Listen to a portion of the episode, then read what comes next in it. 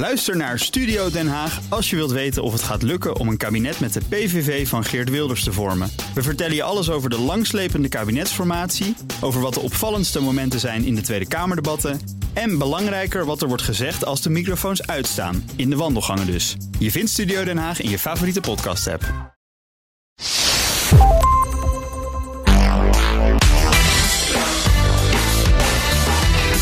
Welkom bij de Ben Tigelaar podcast met deze keer de zesde editie van Ben's Boekenclub. In de Boekenclub bespreken we een internationale bestseller en halen er lessen uit waar jij iets aan hebt. Met deze keer het boek Gelukkig zijn kun je leren of in het Engels Authentic Happiness van psycholoog Martin Seligman. Met dit boek legde Seligman in 2002 de basis voor een hele nieuwe stroming binnen de psychologie, de positieve psychologie.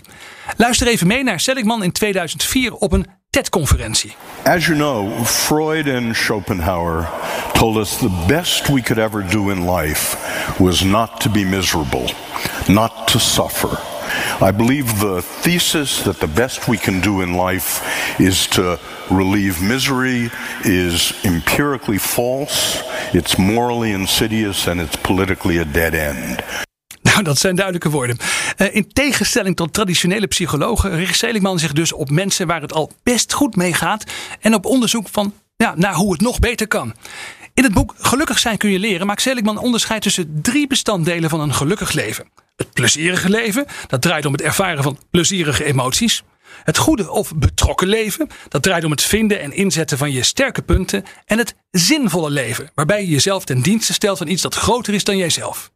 Ik bespreek vandaag dit boek met mijn panelleden. Romy de Rijk. Ze gaf leiding bij Boertien en Jumbo. Ze begeleidt nu verander- en leiderschapstrajecten, zowel bij individuen als managementteams. Romy, welkom. Fijn dat je er bent. Dankjewel. En tegenover haar staat Ciao Nguyen, eigenaar van Fresh Agency. Dat is een brand agency die grote merken helpt om zich te positioneren op social media. Uh, Ciao, wat leuk dat je er weer bent. Dankjewel. Leuk dat ik er mag zijn. Gelukkig zijn kun je leren. Dat is dus eigenlijk zeg maar het uitgangspunt van dit boek. Is dat ook iets wat jullie echt geloven na het lezen van dit boek, Romy? Wat ik heel erg mooi vind aan het boek is dat je je positieve emoties kan trainen. En wat hij zegt is dat je positieve emoties over je verleden, je heden en je toekomst kan hebben. En dat onderscheid, dat drieluik, vond ik heel mooi. En gebruik ik ook veel bij mijn coachklanten. Ja, dus dat is dat plezierige leven. Ja, ja, dat plezierige leven waar hij het dan over heeft. Dat draait dan om drie soorten emoties. En die drie typen emoties over verleden, heden en toekomst. Die kun je trainen. Ja. Daar gaan we straks wat dieper op in. Maar het is wel leuk. Dus meteen een soort eerste takeaway die we eventjes krijgen. Als we, als we uh, over dat boek met elkaar aan de praat gaan.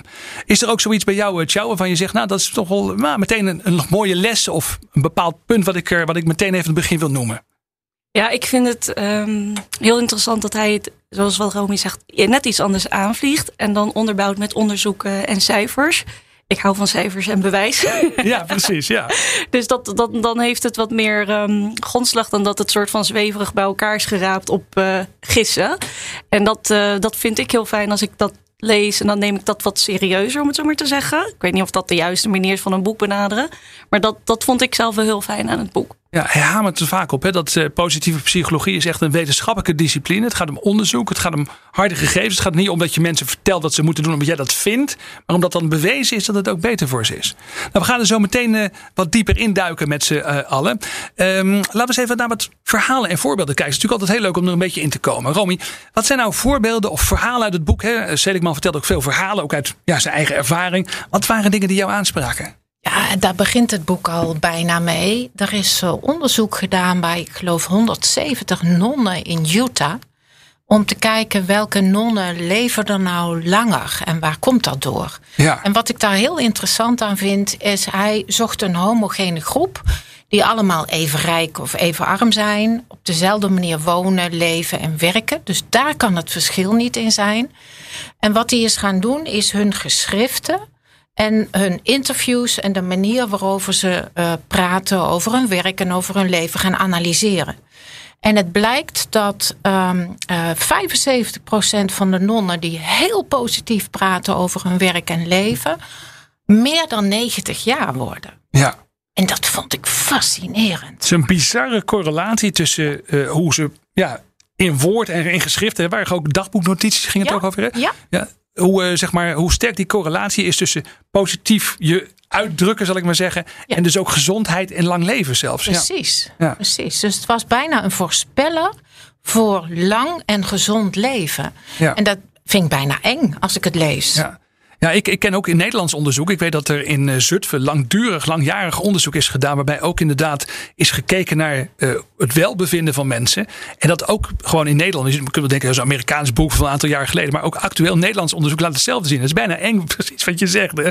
Dus als je, als je dan een, beetje een slechte dag hebt zelf. Dan denk je, oh dat is niet goed. Dan gaan echt jaren af nu. Ja. Min 10. Ja, min 10. Ja. Hey, jou, ehm, verhalen en anekdotes, dingen uit het boek waarvan je zegt, nou, dat, dat vond ik wel een mooi voorbeeld. Of dat sprak me echt aan. Ja, ik was eh, het aan het lezen en eh, dan ben je gewoon, weet je wel, het aan het lezen. En toen kwam ik bij het hoofdstuk, er stond eh, Why lawyers are unhappy. Nou, ik schrok er gelijk van wakker. Want, Want, want ik heb een juridische achtergrond. Ik heb ondernemingsrecht en merkenrecht gestudeerd voordat ik mijn agency startte. En wat ik daar las was waarom advocaten, en ik hoop niet dat ik iedereen die in de advocatuur zit in de harnas jaagt, maar er stond dus dat zij over het algemeen ongelukkiger waren. Ondanks dat ze eh, bovengemiddeld verdienen en de, de, de, ja, de omstandigheden hebben om gelukkig te zijn. Of zoals Ja. we denken, hè, money en wealth en et cetera. En ehm, dat sprak mij heel erg aan, omdat eh, er werd dus gezegd dat advocaten door hun omgeving en het werk wat ze hebben, ehm, drie traits hebben waardoor ze een soort van ongelukkiger zijn. En dat is dat ze heel pessimistisch zijn. Ja. Ze opereren in een stressvolle omgeving. En er is een win-lose situatie. ja, het gaat er altijd om, jij wint en de ander verliest. Of de ander Ja, wint en jij verliest. Precies. Ja. En dat, dat, ik, ik las dat en het was heel gek, want ik was destijds. ehm zat ik echt zo van: hè, wat ga ik nu doen na de studie? En ik, mijn hele cv was gebouwd op. Nou, ik ga de advocatuur in. Ja. Dat, dat was echt mijn droombeeld. En de Zuidas, dat wordt ook een beetje ingemasseerd op de universiteit. En ik wist nog dat toen ik die besluit, dat besluit wilde nemen van ik ga dit niet doen, vond ik het zo doodeng. Ik kom uit een traditionele Aziatische familie, Ja. waar bepaalde dingen van je worden verwacht. Dus Voor- bijvoorbeeld rechten studeren. Ja. Exact, Of rechten studeren. medicijn is waarschijnlijk ook goed, of niet? ja, ook. Ja, is ook goed. Ja. Ja, het, is, het is eigenlijk best wel eh, cliché, maar onze hele familie komt. eh, Weet je, mijn broertjes zijn ingenieurs, mijn zusje is data scientist. Dus weet je, dat, dan heb je echt zo'n zo'n dingetje van: oké, dit is het standaard. En Ja. ik wilde daarvan afwijken, omdat ik. Ik ben eigenlijk heel mijn leven bezig geweest met wat maakt me gelukkig. En toen las ik dat. En toen dacht ik, hey, dit is een keuze die ik heb gemaakt op een, op een gevoel. Want ik zat niet echt daadwerkelijk op de uit- Zuidas toen ik die eh, keuze maakte. En toen dacht ik ook, ja, wat nou als ik hierna een failure word? Of ongelukkig Ja. word vanwege die keuze die ik nu ga maken. Op een hinge feeling, zeg maar.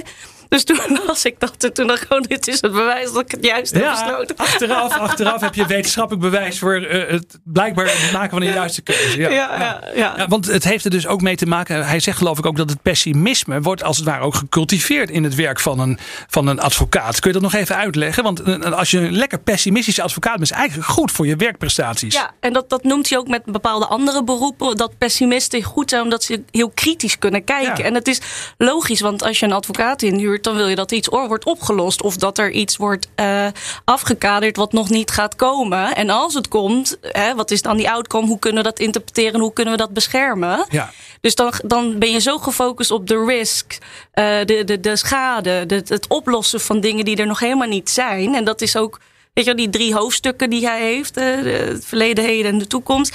Dan ben je alleen maar met een hele negatieve blik aan het kijken naar dingen die nog moeten komen. En dat, ja, dat, Ja. dat voedt je pessimisme. Ja, ik kan me voorstellen, er zijn wel meer beroepen waarschijnlijk waar dat voor geldt. Als je belastinginspecteur bent, kan ik me iets bij Ook voorstellen. ja. Ja, nou goed. Ja, heel interessant, zeg leuk. Ja. Ik, ik, als ik zelf nog iets mag noemen. ehm, er staat ook een verhaal in, dat is een beetje het. eh, ja, wordt wel een signature story, zeg maar, van, van, van, eh, van Seligman wordt het wel genoemd. Hij heeft het in heel veel speeches gebruikt. Maar dat gaat erover dat hij uiteindelijk ook zelf moest leren dat je aan je geluk en aan wie je bent, dat je ook daar ook aan kunt werken. Hè? Dat vond ik dus ook wel heel mooi. En het gaat erover dat hij dan in de tuin aan het werk is en dat dan op een gegeven moment eh, een van zijn kinderen komt, dochter Nicky. En die is vijf jaar oud.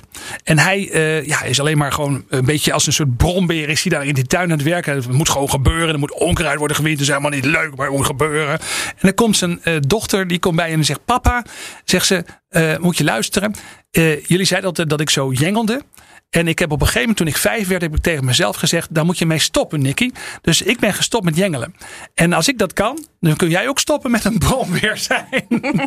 en dat had best wel uh, indruk op hem gemaakt. En hij realiseerde zich inderdaad dat mensen het vermogen hebben, zelfs kinderen van vijf al, om te reflecteren op hun eigen gedrag en na te denken: ja, hoe kan ik anders worden? Hoe kan ik mezelf ook ja, gelukkiger maken? En dat vind ik wel heel grappig, want hij was toen al een gelauwerd wetenschapper, had heel veel uh, publicaties, uh, heel veel subsidies, prijzen en alles had hij gewonnen. En, en toch moest hij dit nog leren gewoon. Dat ja, ik vond dat een mooi verhaal. Van zijn dochter van vijf. Van zijn dochter van vijf, ja. Geweldig. Ja. Zeg, um, we gaan eens eventjes verder kijken. Lessen die we uit het boek halen. He, dus het is natuurlijk leuk, die verhalen, maar wat haal je eruit voor jezelf? Wat haal je eruit voor je werk? We gaan even, ga even weer naar jou, Romy. Wat haal jij nou uit dit boek waarvan je zegt, dat gebruik ik in mijn werk? Ja, hij um, heeft het over Beck. En ik ken het model van Albert Ellis. En dat gaat erover dat je. je... Ja, Aaron Beck moeten we even zeggen Aaron voor de, voor luisteraars. Ja, een beroemde psycholoog. Ja. ja, en het gaat erover dat je je gedachten kan uh, analyseren en trainen en ook kan reframen. En dat is iets wat ik heel veel met mijn uh, teams doe, die ik begeleid, maar ook met mijn coachklanten. Je ontwikkelt een patroon van gedachten. Dus je vindt een situatie spannend en je denkt heel snel: dat kan ik niet. En wat hij zegt is: wat weet je daar zeker over? Is dit wetenschappelijk bewezen dat jij dat niet kan? Kunnen blonde vrouwen van 1,80 meter kunnen die dit niet? Voor de mensen die alleen luisteren en niet kijken. Ze beschrijft dus. u zichzelf. Ja. Maar goed, ja. En dan moet je zeggen: nee, dat is natuurlijk niet waar. Dat is niet wetenschappelijk bewezen. Oké, welke andere gedachten kun je daarnaast zetten? Kun je je eigen gedachten challengen? En het gaat over de theorie dat gedachten voor emoties gaan.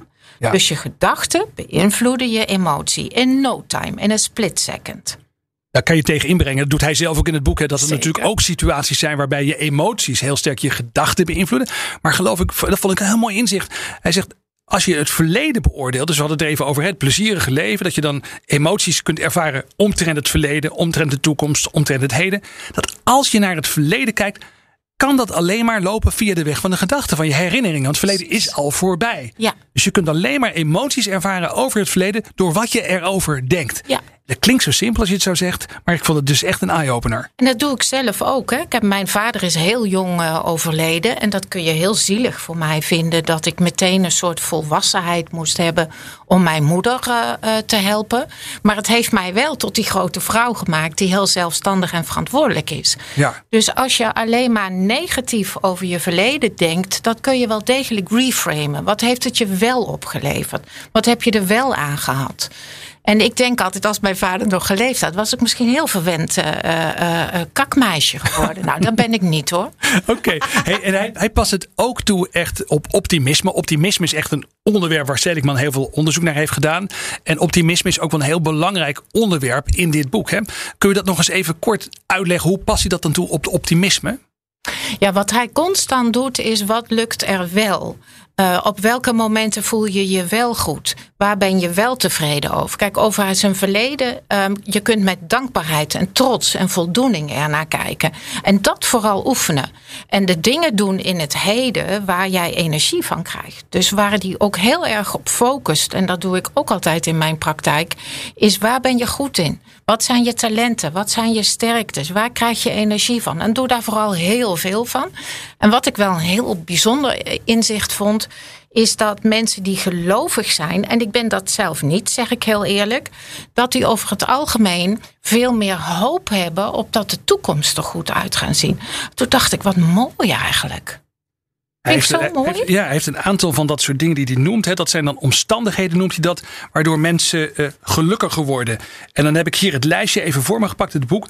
Het is uh, in een welvarend en democratisch land gaan wonen. En niet in een arme dictatuur. Nou ja, dat heb je niet altijd voor te kiezen. Hè. Nee. Maar dat maakt dus heel veel uit voor je geluk. Ja, de, denk ja precies. Ja, nummer twee, trouwen. En dat geeft een ja, duidelijk hè? effect. Maar hij zegt, maar er is misschien geen kausaal verband. Hij is zelf ook een keer opnieuw getrouwd. Dus misschien kleurt dat de, de, de metingen. Uh, Drie, negatieve gebeurtenissen en negatieve emoties vermijden. Dat heeft een gematigd effect, zegt hij. En dan een rijk sociaal netwerk opzetten dus, en onderhouden. Dat is dus wel heel belangrijk. Daar worden mensen echt gelukkig van. En dan op nummer vijf, wat jij net noemt, godsdienstig worden. Ja. Dus ja, het zou eigenlijk, eh, ja, dat word je niet zomaar. Je zegt, nee, oh, dan word je gelukkig van, laat ik dat maar eens doen. Hè? Ja. Maar het is wel grappig om te zien dat dat dus echt een impact heeft op mensen. Ja, ik heb hem voor mij vertaald als spiritualiteit. Hè? Ja. Dus er is meer dan wat we alleen maar zien. En, en dat trouwen heb ik ik ben zelf ook voor de tweede keer getrouwd. Heel gelukkig hoor, al 30 jaar. Um, maar een, een stabiele, langdurige relatie. Omdat je met je beste vriend of je beste vriendin bent. En dat maakt je gelukkiger. Ja, dus in die zin, dat zijn inzichten die we in het boek lezen, maar die eigenlijk ook als het ware, uh, nou ja, daar heb je bewijs voor ook in je eigen leven. Ja. ja. ja. Ik ga eens even naar Ciao. Ciao, wat zijn lessen die jij eruit haalt? Eh, je geeft leiding aan mensen in jouw bedrijf. Je moet klanten proberen voor je te winnen. Uh, je bent ook, uh, ja, je hebt ook een gezin. Hè? Je probeert ook nog, uh, is het een dochter of een zoon op te voeden? Een dochtertje. Een dochtertje, nou precies. vertel eens even, wat haal jij uit het boek? Welke lessen? Wat, ik, um, wat mij echt een ontzettende eye-opener gaf, was zijn theorie over een upward spiral. Dus normaal gesproken heb je het over een, een neerwaarts spiraal en hij heeft het over een upward spiral. En toen dacht ik echt, wow, dat kan natuurlijk ook. En de, de vraag zeg maar van uh, gelukkig zijn. Ik denk, ik heb uh, mensen, vrienden in mijn omgeving die het heel erg wegschuiven als het is een luxueus goed in een welvarend westerse wereld. Hè, dat we obsessed zijn met happiness. En ja Um, bijvoorbeeld een andere auteur van um, The Art of Not Giving a Fuck. Die schrijft juist ook over, ja, sorry, maar we hoeven niet de hele tijd gelukkig te zijn. Ja. Wat ik heel tof vind in zijn perspectief is dat hij dat onderbouwt waarom die drang er zo is om gelukkig te zijn. Dat leidt namelijk meer tot productiviteit. En hij had een onderzoek gedaan. en, en gezondheid. En een, ja, en een lang leven. En een lang leven en, en ook uh, een meer een fulfilled leven. Uh, ja, een, een eh, in, bijvoorbeeld een van de onderzoeken was dat die, uh, dat hadden ze gedaan in, uh, bij een uh, bedrijf met 272 medewerkers of zo. En ze gingen de onderzoeken richten zich echt op het geluk. Ja. En toen bleek dat gelukkige medewerkers meer verdienden, meer productief waren en ook trouwer waren aan hun werkgever en langer bleven. En in mijn zoektocht naar geluk en dingen eh, daaromtrent denk ik wel eens: waarom wil ik dat eigenlijk gelukkig zijn? En waarom is dat zo belangrijk voor mij? Want dat beïnvloedt bij mij alles wat ik doe qua keuzes, qua carrière. Hè, want eh, die switch was voor mij doodeng.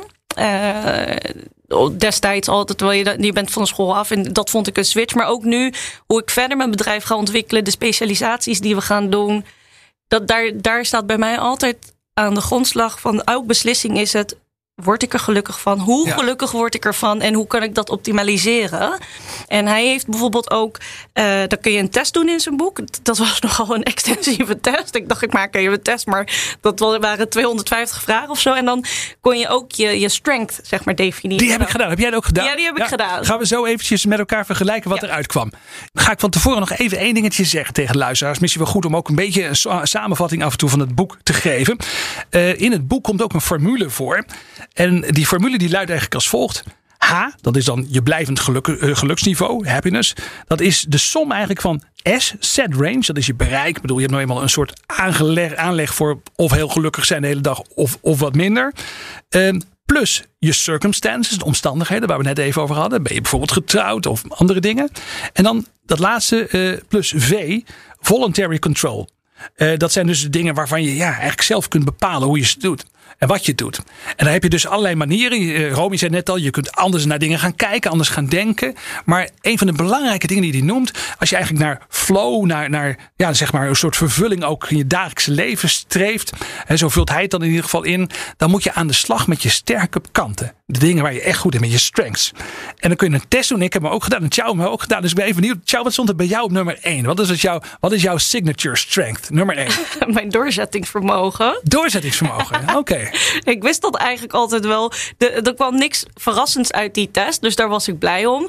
Maar ik had het nooit gezien dat ik daar, als ik dat elke dag meer zou toepassen, dat dat tot meer geluk zou leiden. Althans, dat dat de outcome zou kunnen zijn. Ja. En dat vond ik wel. Um, ik, ik, las dat. Ik heb zoveel van die oh, Eureka momentjes. Dus ik haal het de hele tijd. Maar ik was het aan het lezen. En ik dacht, mijn doorzettingsvermogen is wel iets wat altijd sterk was. En ook mijn enthousiasme. Maar ik heb nooit gerealiseerd dat dat een van de twee eigenschappen waren waardoor ik zo in een korte tijd een succesvolle agency ben op gaan starten. Want we werken voor global brands, eh, grote Ja. merken. En toen dacht ik, ik zag het nooit als zo'n sterke eigenschap van mezelf wat ik om kon zetten in geluk. Maar stiekem draagt het er natuurlijk wel bij, want je krijgt dingen voor elkaar. Mijn enthousiasme haalt mensen over. Het is aanstekelijk. Ja, natuurlijk. En dat, Ja. dat besefte ik niet.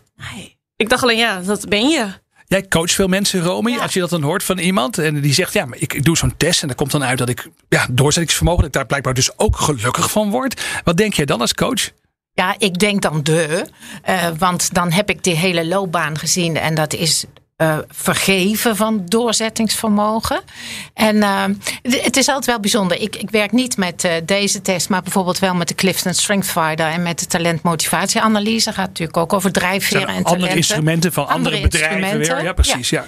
En mensen herkennen het, dus het is niks nieuws. Maar wat ik zo sterk in dit boek vind, als je het dan herkend hebt, ga het heel veel doen.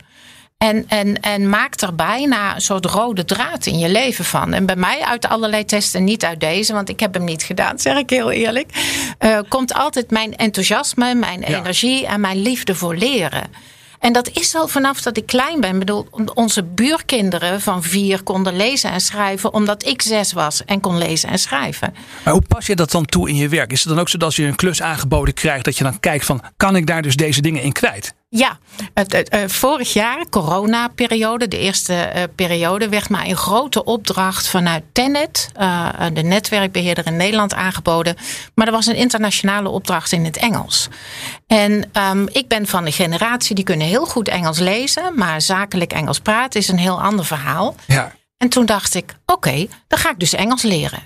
Dus mijn insteek is altijd, als ik iets kan leren, wordt het leuk. Ja, dus in het kader van een opdracht iets kunnen leren, dat vind jij leuk. Terwijl Cruciaal. andere mensen dat verschrikkelijk vinden. Ja. Ja. Bij mij stond op nummer 1 stond fairness. Dat je iedereen gelijk behandelt. Dat vind ik blijkbaar heel belangrijk. Ja. ja en ik, kom uit een gezin, dat is misschien wel grappig. Eh, ik ben getrouwd met Ingrid. We hebben vier dochters. Ik ben ook ontzettend enorme voorvechter van, de, van vrouwenrechten. Maar dan denk ik altijd, ja, dat moet ook wel. Want anders heb ik thuis geen leven. Dus ik vraag me altijd een beetje, als ik dit dan lees, dan denk ik, oké, is dat zeg maar, is dat nature of nurture? Nou ja, voor de mensen die het leuk vinden, je kunt in ieder geval eh, via de VIA Character Strengths eh, Finder of de VIA Character Strengths Profile, als je dat even intikt op, eh, op eh, Google, dan ga je die test vinden. De test is gratis, hartstikke leuk om te doen. Zeg, we moeten alweer naar een afronding toe, mensen. Ehm, ik wil eventjes weten, gewoon even heel kort van jou, ciao. Is dit een must-read? Moet iedereen dit boek lezen en waarom? Ik denk het wel omdat het je handvaten gaat geven in de dingen waar je niet bij stilstaat. En als je dat goed weet toe te passen, dan kan je je level eh, happiness een stukje omhoog Ja, ik vond zelf, ja, wat ik er ook heel mooi in vind, wil ik heel kort even noemen. Waarom dat ik denk dat het de moeite waard is, is dat hij het ook echt wel naar een hoger plan trekt. Hè. Hij heeft het over deugden. Dus hij heeft het niet alleen maar over sterke kanten van, nou, ik kan goed programmeren. Of ik kan goed, goed met PowerPoint of zo werken. Maar hij zegt, nee, nee, het gaat om wijsheid en kennis. Om moed, liefde en menselijkheid, rechtvaardigheid, gematigdheid en spiritualiteit of, of transcendentie. Dat zijn zes deugden, zegt hij. En daar hangen dan al die sterke kanten onder. Ja, dat vond ik ook wel heel mooi. Ja, en jij, waarbij ik gematigdheid ook wel een ingewikkelde vind. Ik Nou, denk, dat begrijp ik wel vanuit jouw, jouw strengths. vanuit ja. mijn enthousiasme Ja, vind ik gematigdheid ook wel ingewikkeld. Ehm, nee, hij heeft het absoluut niet over vaardigheden. Hij heeft het echt over, over deugden en drijfveren, zou ik het bijna willen noemen. Ja. En eh, nou, jouw voorbeeld van fairness is ook echt een drijfveer in jouw leven. Dus jouw dochters hebben dat vast beïnvloed, maar het was er al hoor. Hartstikke mooi om dat vandaag eventjes te leren. Dankjewel.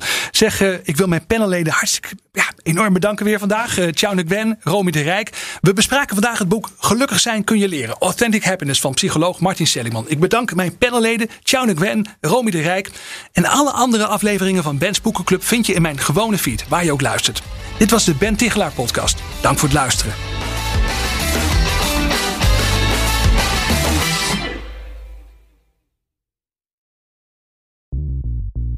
BNR ben je altijd als eerste op de hoogte van het laatste nieuws. Luister dagelijks live via internet. Bas van Werven. En heel langzaam komt de zon op rond dit tijdstip. Je krijgt inzicht in de dag die komt op BNR, het Binnenhof in Nederland en de rest van de wereld. De Ochtendspits. Voor de beste start van je werkdag. Blijf scherp en mis niets.